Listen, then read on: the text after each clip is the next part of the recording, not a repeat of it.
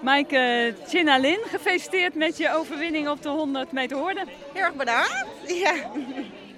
Had je meteen door dat je een persoonlijk record had gelopen? Eh, nee, eigenlijk niet, omdat er 13.04 stond. En ik wist ook niet wat de wind was. Dus ik hoopte wel op een mooie tijd, maar je weet het nooit. Is het dan een klein beetje van heel erg jammer dat het niet net 12,98 is of zo? Nou, ik weet wel dat het erin zit. Dus nu gewoon harder trainen om de volgende wedstrijd dat te lopen. Het is in ieder geval een stapje richting. Dus dat vind ik wel weer mooi. En eh, ja, je bent niet van Leiden Atletiek, waar, eh, waar kom je wel vandaan?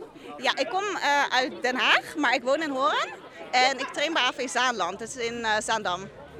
Dus je dat is wel een eindje reis of eh, was het dichterbij? Ehm, nou, ik slaap bij mijn ouders in Den Haag, dus het was voor mij wel heel dichtbij. Dus dat scheelt. En eh, denk je dat het goed genoeg is voor een gouden spike dit jaar? Dat weet ik niet.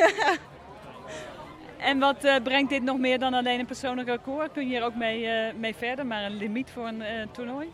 Nou, ik ga natuurlijk wel eh, voor het WK-limiet. Eh, dat is 1278, dus ik heb nog wel heel veel meters te maken. Eh, maar dat moet goed komen, want ik ga gewoon heel hard trainen en we gaan kijken waar het schip strandt. Ik heb in ieder geval heel veel zin in. En Maaike, het is toch gelukt hè? Ja, zeker. Niet verwacht, maar wel heel erg leuk. Dus eh, ja, ik ben er heel blij mee. En waar komt die te staan?